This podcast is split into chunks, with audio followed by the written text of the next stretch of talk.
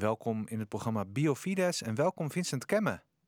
Ja, dank je dat we weer eh, in de uitzending mogen zijn. Fijn dat we er weer zijn. Ja, we gaan het hebben over de encycliek Humane Vitae. Wat is dat ook weer, een encycliek? Een encycliek, dat is een rondzendbrief, zo heet dat de officiële, is de officiële vertaling van dat moeilijke woord. Die de paus kan sturen aan de bisschoppen op aarde, alle priesters, alle gelovigen. Vaak in de aanhef zet hij dat er expliciet bij, tot wie die zich richt. Maar in de regel kun je stellen, als de paus iets belangrijks te melden heeft, een bepaalde koers, een bepaalde visie, een bepaalde mening die hij als paus, dus niet als privépersoon, inneemt, dan schrijft hij een encycliek. En dat uh, is, heeft gewicht, het is niet onfeilbaar. Zoals uh, zeg maar, heel weinig uitspraken van de paus die gelden, daarvoor zou gelden dat het zeg maar, onfeilbaar was. Wat voor veel mensen moeilijk te begrijpen begrip is. Hoe kan ieder mens is toch feilbaar? Uh, iedereen maakt fouten. Ja, maar de Heilige Geest, uh, althans God, heeft bij de stichting van de kerk via Jezus en door de uitstorting van de Geest, toch ook aan die kerk een belofte meegegeven dat ze, als het erop aankomt, in ultieme zin niet kan dwalen. En met name dus geldt dat dan voor bepaalde uitspraken van, de, van haar hoogste de opvolger van Petrus, dus de eerste onder de apostelen, de, de leider van de, van de gang. Volgens mij is dus ook eh, voor deze encycliek is het sinds zijn verschijnen steeds opnieuw door kerkelijk leergezag bevestigd. Ja. Dat is wel hier en daar met horten en stoten gegaan. Maar laten we eerst kijken de, de, wanneer die verscheen. Dat was namelijk op 25 juli 1968. Ja. En dat valt een beetje samen met Flower Power. ja, ja, inderdaad. Uh, ik zou, zou zeggen, het valt ook samen met uh, seksuele revolutie. Die seksuele revolutie, daarmee ja. bedoeld, ook wel, denk ik. En het net uh, introduceren van de pil. Juist, David Verband kan ik anders, niet anders als leggen.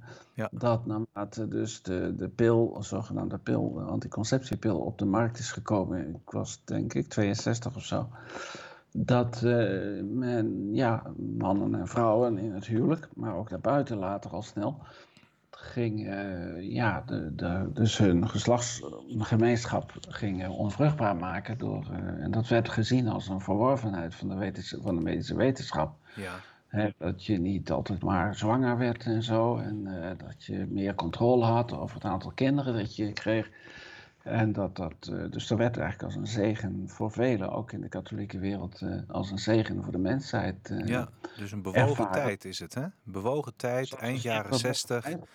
Ja, ik heb inderdaad, het begin van de flower power, de artistieke jeugdcultuur uit de Verenigde Staten, onder andere onder invloed van de, de Beatles.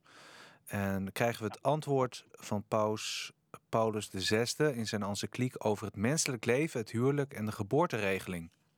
Ja, nou, het, ging, het is een heel positieve tekst over het menselijk leven en de vruchtbaarheid.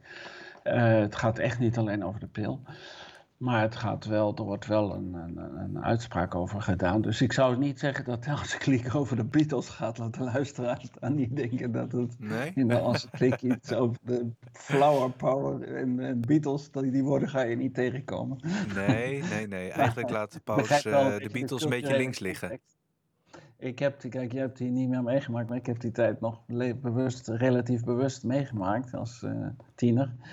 En uh, dus ik kan me nog die, die gekte ook wel voorstellen met die lange haren en, en de Woodstock. De, En uh, trouwens, ja. aardig om te weten is dat de Wereldjongerendagen veel groter zijn in aantal dan Woodstock. Hè? De fameuze concert met met Jimi Hendrix en oh, uh, weet ik wat voor uh, artiesten allemaal. Dat was, uh, maar de hele tendens, ik denk dat je kunt samenvatten als je terug naar de geboorteregeling wil, is dat men nu eigenlijk eindelijk vrije seks mogelijk was. Mag ik het zo zeggen op Radio Maria? Van mij mag dat, ja. Het is denk ik ook het, het, het geestelijk nalatenschap van die periode, zal ik maar zeggen, dat dat toen zo was, ja. Absoluut. Als dus uh, seksualiteit, is beleving van de seksualiteit, we hebben het denk ik al vaker hoor, vele vaak malen hier op uh, deze, in deze uitzending over dit onderwerp gehad. Uh, dus, seksuele beleving, dat op zich een groot, groot geschenk is natuurlijk, en, maar ook iets heel delicaats tegelijk. En iets ja, heel kwetsbaar. gevoelens gepaard gaat, en relationeel enzovoort meer. Maar dat werd dan, zeg maar, losgemaakt, feitelijk, van het krijgen van kinderen. Dus geslachtsgemeenschap hebben was één ding, maar het krijgen van kinderen of verwekken van kinderen was een ander ding geworden. Ja, en dat is precies. Losgekoppeld. Ja, losgekoppeld. En dat is precies waar ook wat uh, katholieke wenkbrauwen gaan fronsen. Want wat gaat er dan gebeuren met de seksualiteit? En Paulus VI waarschuwt daar eigenlijk ook voor in zijn uh, encycliek van, uh, ja, als je als man, laten we mannen, we zijn nu mannen onder elkaar, wij twee, dan luisteren misschien nog een paar duizend mannen en vrouwen, maar dan weet je gewoon dat, als, uh, dat, dat je dus in termen van zelfbeheersing, respect voor het lichaam van de vrouw, de cyclus enzovoort, aanzienlijk makkelijker krijgt als die vrouw die pil slikt.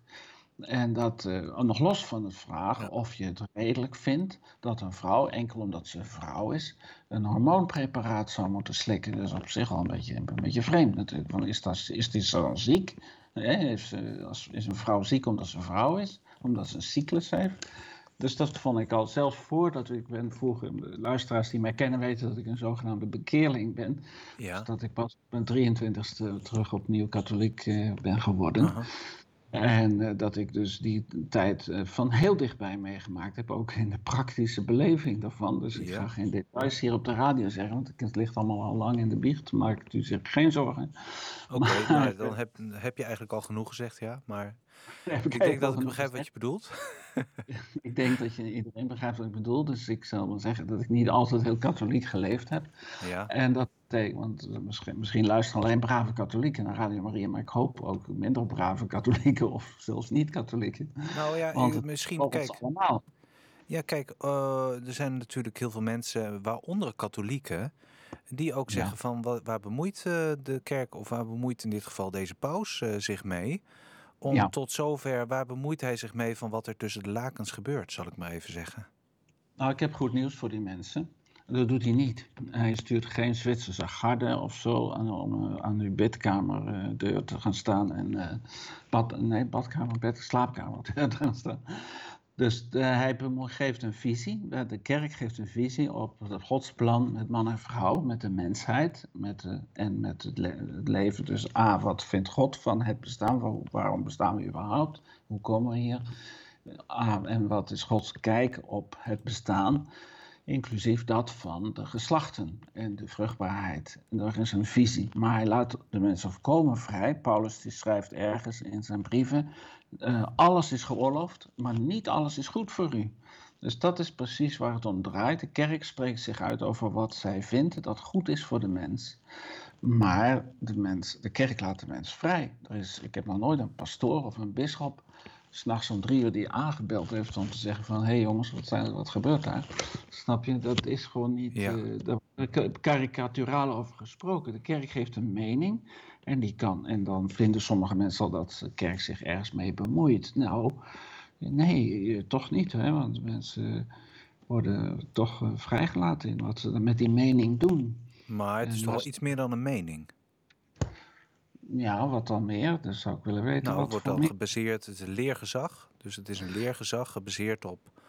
Ja, nou, maar het leergezag. Kan, ik kom van, ja, maar ik kom van een generatie die die woorden leergezag en het woord van God en de Bijbel en zo niet uh, serieus nemen. De meeste niet-gelovigen, uh, of halfgelovigen of een beetje gelovigen, die, die gaan niet opeens geloven wat de paus zegt omdat het het leergezag is. Dat is niet een sterk nou, argument. Au contraire. Ik denk dat juist op basis hiervan hè, de, de, de voorbroedsmiddelen worden verboden. Hè, dus dat ja. mag niet meer. Uh, overigens, tussen haakjes, andere methoden, natuurlijke methoden van geboorteregeling worden juist hè, gepromoot. Zoals ja. inderdaad verantwoord uh, ouderschap. Um, Nou, de andere dingen worden ook verboden. Abortus, sterilisatie, artificiële voorboedsmiddelen worden verboden. Ja, ik denk ja, dat heel veel mensen dan zeggen van wat, eh, hoezo, wat uh, mag ik ineens een heleboel dingen niet of niet meer? Nou, de kerk die zegt niet zozeer verboden, maar zegt dat is niet conform de waar, menselijke waardigheid. Dat is de taal, zeker ook Jans Paus II die vooral zegt, luister goed, dit is de, niet, het gebruik van die middelen is niet conform menselijke waardigheid. Dus het is niet conform van wat de kerk vindt dat je zou moeten doen. Maar dus de hoeveel mensen, loopt, in Den Bosch zitten jullie in de studio, loopt naar buiten en vraagt hoeveel mensen zich iets gelegen laten liggen aan een uitspraak, enkel en alleen omdat het bijvoorbeeld in de Bijbel staat, zoals bij de protestanten veel geldt, of enkel en alleen omdat de paus het heeft gezegd, of omdat het leergezag het verboden zou hebben. Verboden, verbieden is niet, uh, pedagogisch ook niet altijd de beste uh, methode natuurlijk, maar de kerk hanteert die ook niet. Hè. Er wordt, wordt wel van, van de kerk gezegd dat ze dit en dat verbiedt. Maar dan, als je goed leest, dan zie je dat de kerk zegt dat ze die methode, bijvoorbeeld anticonceptie en humane vitae, naar rijdt beraad, eh, commissies en uh, dat ze dat niet mee eens is. Dat ze dus ziet dat, dat, niet, dat je dat niet zou moeten doen. Maar dat is nog iets anders dan verbieden. Dus als je nu door rood licht rijdt, dan kan je sancties op, uh, opgelegd krijgen. Maar als je dus toch de pil slikt als, als, als katholiek echtpaar, of buitenechtelijke relaties aangaat met voorbeeldsmiddelen. Ja, ik heb dat gedaan, laat maar eerlijk zijn. Ik heb het nu al gezegd. ik heb het al door laten schenken. Ik heb nooit last gehad van een pastoor of een bisschop of een paus die mij dat zo gezegd zou hebben verboden. Dus dat is niet aan de orde geweest. En de meeste mensen staan niet zo in relatie tot de kerk. Dat ze laten zeggen hè, wat wel en niet mag. En dat is ook een karikatuur trouwens van het hele katholieke geloof. Het is niet een, een mag, mogen en moeten en niet mogen en wel mogen geloof. Het is een geloof dat het goede uit liefde voor de mensheid aanbiedt en voorstelt. Uh, kardinaal Eijk zegt altijd, de kerk uh, uh, ja, dat kun je eigenlijk beter in het Engels zeggen. The, church proposes, but never imposes. De kerk oh. stelt voor, maar legt nooit op. Dat is mooi, ja. Dat is mooi. Ja. Maar hoe, hoe komt het dan dat het toch door veel mensen, en trouwens niet alleen door mensen, maar ook door, door bisdommen, ehm. Zo is ontvangen of zelfs totaal genegeerd? Ik heb, uh, natuurlijk weten we dat er heel veel theologen, ik heb zelf ook gekend theologen die het niet met mij eens zijn of met de Paus, Paulus VI eens zijn. Daar is heel veel gedoe over. Dus, uh, en ook nu, inderdaad, de aanleiding dat we erover spreken, ook vandaag, tot in het Vaticaan, zijn er discussies gaande of die leer van Paulus VI uh, uh, hoog te houden is. En, want er is, dat is nog steeds een, een, een wiebelig ding. Ik heb het dus dan over theologen. Ik heb het ook inderdaad over bisschoppen die niet allemaal mee zijn met het verhaal. Priesters, pastoors, net zo goed. Maar bijvoorbeeld niet in de laatste plaats ook de, de media. Die dus uh, de taak hebben, zoals jullie, om die boodschap uh, door te geven aan je luisteraars, aan je lezers. Aan je, hè? En uh, de vraag is dan hoe getrouw, hoe correct bijvoorbeeld bepaalde dingen. Bijvoorbeeld nemen het kwestie van het niet opleggen, wel voorstellen, wat ik net zei, impose en propose in het Engels. Dat nuance is heel belangrijk, maar heel veel journalisten, sorry, ik hoop je niet persoonlijk te viseren, maar heel veel journalisten maken dat verschil niet en die zeggen dan, ja, het mag niet van de kerk. Nou, dat is niet de taal die ik aantref in die brief bijvoorbeeld, hè? Die, ja. die rondbrief.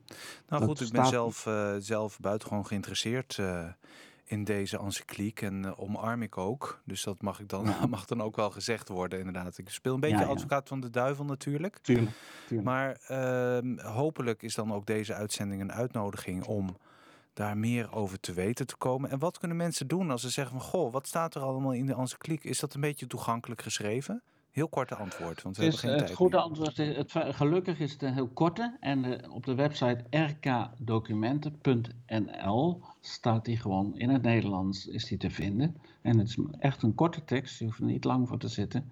Je kunt hem daar uh, online lezen. En dus, ik kan ook uh, in boekjes staat hij wel ergens te kopen, maar ja. Ja, het internet is ja. er snel te, te raadplegen. En voor wie erin geïnteresseerd is en een beetje gaat zoeken, vind ook allerlei geschikte boekjes om daar eh, nog eens verder in te duiken. Met daarin duiding van hoe daar dan ook nu bijvoorbeeld tegenover. Eh, hoe we daarmee om kunnen gaan en hoe we dat kunnen lezen. Ja.